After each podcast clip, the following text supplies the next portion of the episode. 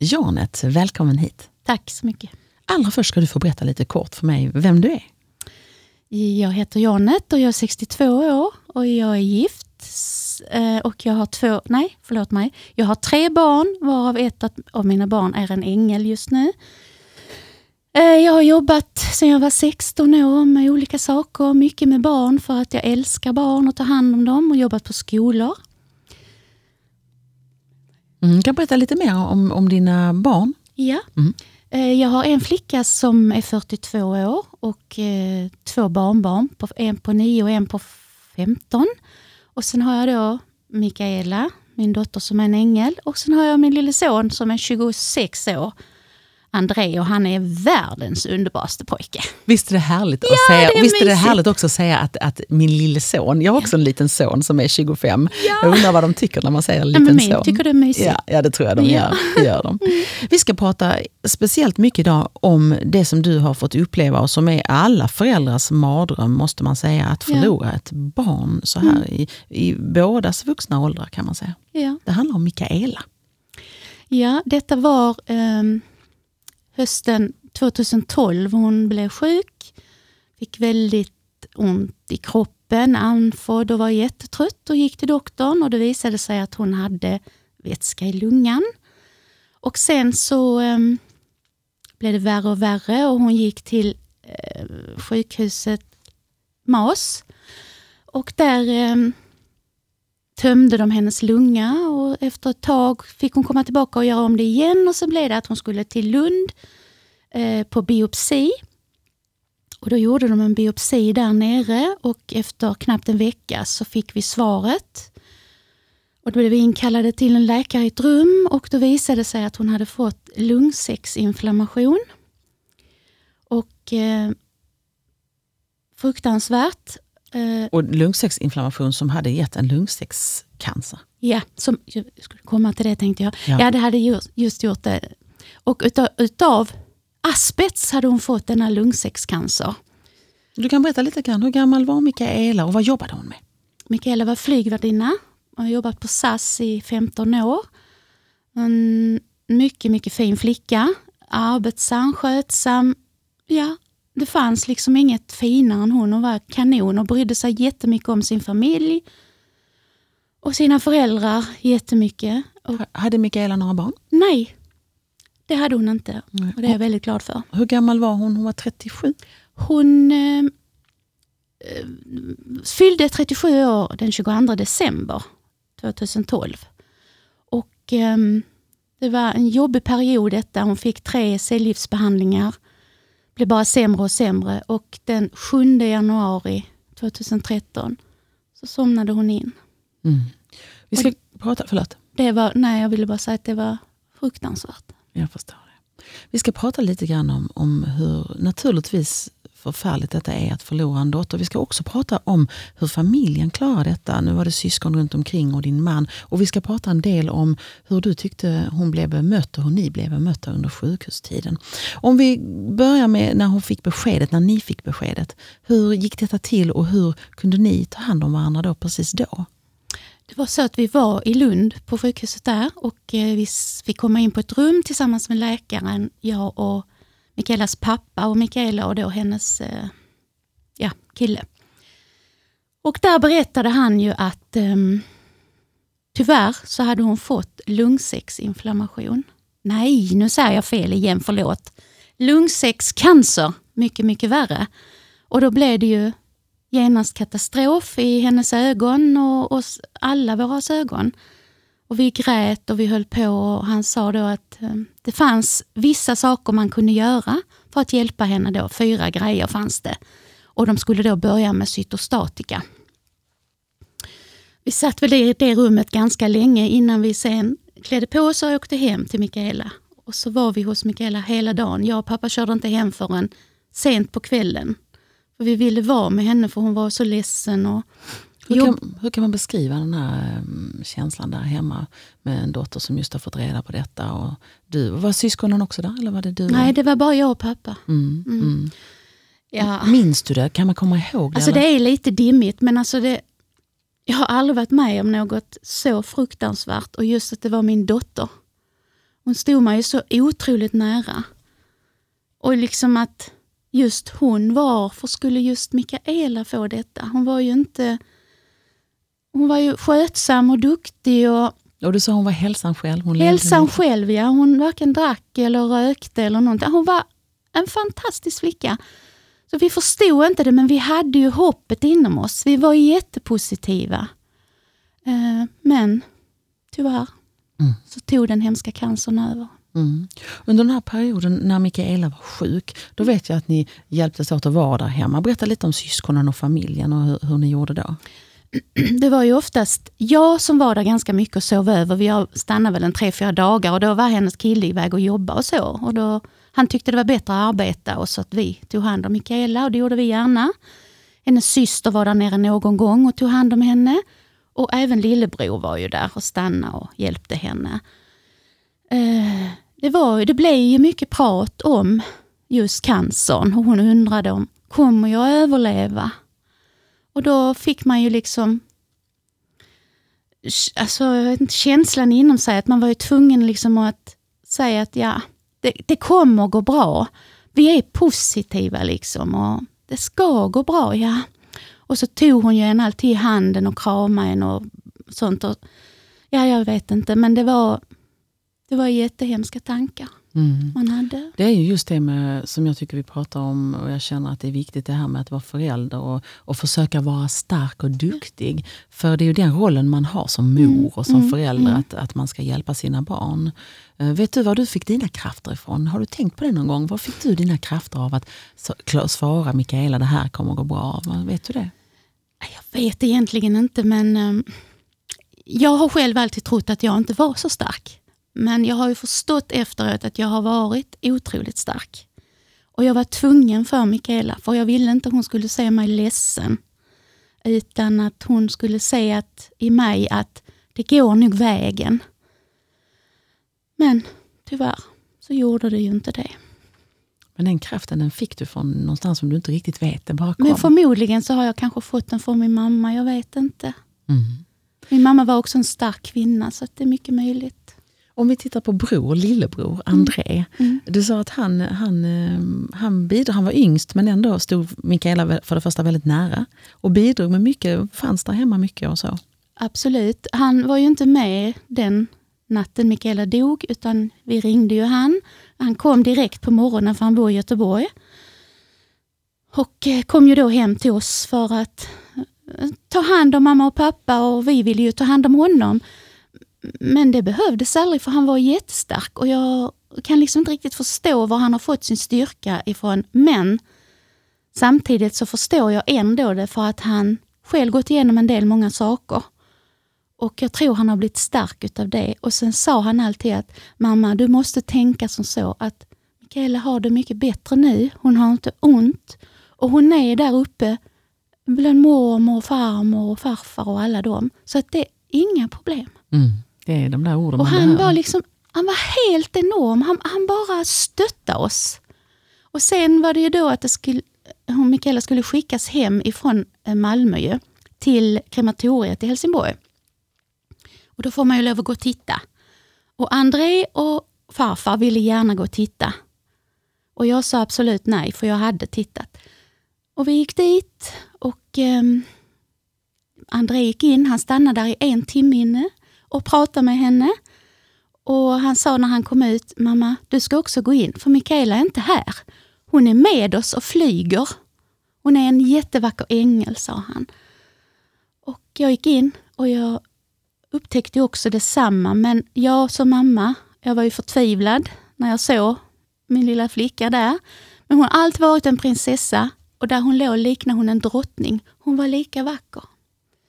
Men ehm, jag kände ju att hon var runt omkring mig för det blev lite vind om man ska säga.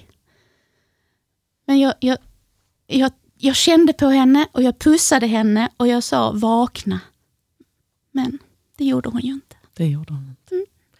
När vi går tillbaka igen till sjukhustiden, perioden. Hur länge låg eh, Mikaela på sjukhus ungefär? För det gick ju ganska fort det här. Ja. Mikaela låg inne en vecka åt gången och så var hon hemma ett par, tre dagar och så var hon tillbaka igen. Så jag kan inte säga exakt, men hon låg inne ganska mycket. Men hon hatade att vara på sjukhus. För det första så var det ingen trevlig avdelning hon låg på. Hon låg på eh, vad heter det nu, lung, lungmedicin i Malmö. Och jag tyckte ju att eftersom hon hade den cancern skulle hon få ligga på onkologen, men det fick hon inte. Personalen där var absolut inte trevlig mot oss anhöriga. Eh, det enda de var intresserade av det var Mikaela. Och jag vet ju varför. Eh, det var ju för att hon var väldigt trevlig. Hon var väldigt söt och var mycket social. Men vi anhöriga vi finns också med där och vi har också det jättetufft. Men vi fick aldrig någon hjälp, varken psykologhjälp eller kurator eller någonting. De bara tittade på oss precis som vi var. Att vi hörde inte hemma där. Mm. Och Det var väldigt jobbigt, tufft. Det där är en sån sak som jag tror är jätte, jätteviktigt mm. och som vi ska ta mm. med oss och, och, och, och så och prata lite ja. kring. Att, att eh, när man jobbar så som, ja. som den här personalen gör. Du sa mm. bland annat att de var ganska unga alla. Det var ingen som riktigt kände som om de hade erfarenhet av Nej. en sån här situation. Nej, det var ung personal, det var det. Mycket unga flickor och väldigt eh, olika läkare hela tiden. En, jag vet inte, jag litar inte på dem för jag frågade dem ärligt rätt ut. Så jag, talar ni sanning för mig? Det ni säger, är det sant? Ja, det är sant. Vi ska kunna rädda henne och hjälpa henne. Vi har fyra saker. Men ingenting har ju stämt. Allt har ju bara varit lögner. Och de har inte brytt sig. Och så just personalen, där de unga tjejerna som var sjuksköterskor och undersköterskor. Jag tycker det skulle funnits ett par lite äldre också som eh, hade lite erfarenhet och inte bara att man kommer direkt från skolan. Det var ingen av er i familjen där och då som blev erbjuden någon slags hjälp av kurator eller psykolog? Inte någon, jag tror bara hennes kille. Jag tror han fick någon präst att prata med eller någonting. Och det, ja, det var nog det enda. Men inte familjen som Nej. ändå har stått Nej. henne nära så länge? så att säga. Nej. Nej. Och vi, det var ju så också att, det är ledsamt att säga, men enligt killen så fick inte vi föräldrar och syskon komma dit. För vi, han tyckte inte vi hade där att göra. Och Det är också fruktansvärt när man har sin dotter som ligger för döden. Naturligtvis. Och det är hemskt. Ja. Om vi tittar lite grann på hur ni, du och din man till exempel, hur klarade ni av det? Ni hade varit och hälsat på Mikaela och kommer hem. Eh, hur gick samtalen där hemma? Kunde ni stötta varandra? Hur är det att, att båda två vet att vi håller på att förlora en dotter? Hur gick era samtal och hur stöttade ni varandra? Ja, vi försökte göra så gott vi kunde. Vi pratade ju mycket med varandra. Men vi grät ju säkert lika mycket. Um, men oftast pratar vi ju bara om Mikaela. Alltid var hon ju på tal. Men vi, ja, vi pratade, vi kramade om varandra och vi grät hela tiden. Och det var väl vad vi i princip gjorde. Mm. Hur var det med vänner? Berättade ni tidigt för er omgivning vad, vad som hände i familjen? Kunde ni få stöd och hjälp ifrån vänner? En del vänner har vi fått jättemycket stöd av. Men en del vänner var inga vänner. Så de är eh, borta. De finns inte i våra liv mer. Och de vännerna vi har kvar och de nya vänner vi har fått är helt fantastiska. Det är såna ens vänner ska vara, som bryr sig. Mm, för Jag skulle just fråga det. Mm. Hur är en bra vän i ett sånt läge? Vad ska man göra när man har goda vänner som hamnar i den här eh, situationen som ni gjorde? Alltså jag tycker ju att man, om jag har en person som har problem, tar jag kontakt med personen och vi pratas vid. Vi träffs gärna. Vi går ut och fikar och sitter och pratar om allt möjligt, inte bara om problemen utan om allt. Och att den personen får ringa en precis när de vill, för jag finns för dem. Mm. Och så har våra nya vänner varit och jag är så oerhört tacksam att det finns. Ofta så undrar man eh, som eh, eh, vän då till någon som drabbas på det här sättet om man vågar prata om ämnet. Man är rädd, man vet inte om man vågar ta upp det. Hur tycker du som nu har varit mitt i detta? Ska man göra det? Ska man våga prata om det? Jag är väldigt öppen. Jag har gjort det. För jag kan inte hemlighålla någonting, för det syns på mig när det är någonting. Så alla jag har träffat, jag har berättat det för dem. Och många har ju tagit det så fint. Men många har också bara liksom nästan sparkat efter mig. Så att eh, på den vägen är det att skaffa nya vänner om mm. inte de beter sig ordentligt. Ja, och som inte vet riktigt hur man ska Ja. göra. Det är också Ja. svårt ibland, för man kanske aldrig själv, varken de eller ni, har ju varit i den här sitsen innan. Nej. Folk är väldigt rädda, har jag förstått, på allt som handlar om döden och cancer. Just ordet cancer skrämmer ju Mm. många människor. Sen är det många också som tror att de vet och kan allt om cancern. Och de vet precis hur det ska göras och så. Och sådana människor kan jag inte heller lita på. Så är det bara. Om vi pratar om personalen som, som eh, jag förstår varken ni eller egentligen Mikaela heller var riktigt nöjda med under den här eh, korta perioden som ni var där. Hur skulle du vilja att personalen var om vi vänder på det? Hur ska en personal vara som tar hand om en mor och far och syskon till en flicka som håller på att gå bort i cancer? Ja, det var en svår fråga. Ja, jag skulle ju vilja att de, att de var som jag själv. Eh, att, de, eh, ja, att de verkligen brydde sig, satt och pratade med en. Inte bara det här att springa ut fram och tillbaka och hämta det och inte det. Och kom liksom aldrig in och sa, hur mår ni? Vill ni ha en kopp kaffe? Och, alltså bara brydde sig om oss. Vi var föräldrar och syskon. Men där var aldrig någon utav personalen som kände liksom det. Och jag själv jag har också jobbat på sjukhus för många år sedan. Jag var också öppen. Man måste kunna ta hand om alla människor.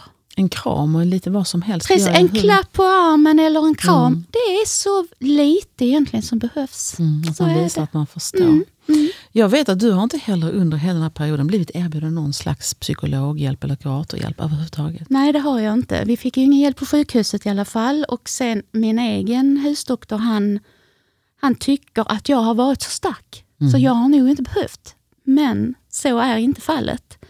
För jag är verkligen i stort behov av en psykolog eller en psykiatriker och eh, jag är på gång nu. Men min man har fått och han går fortfarande.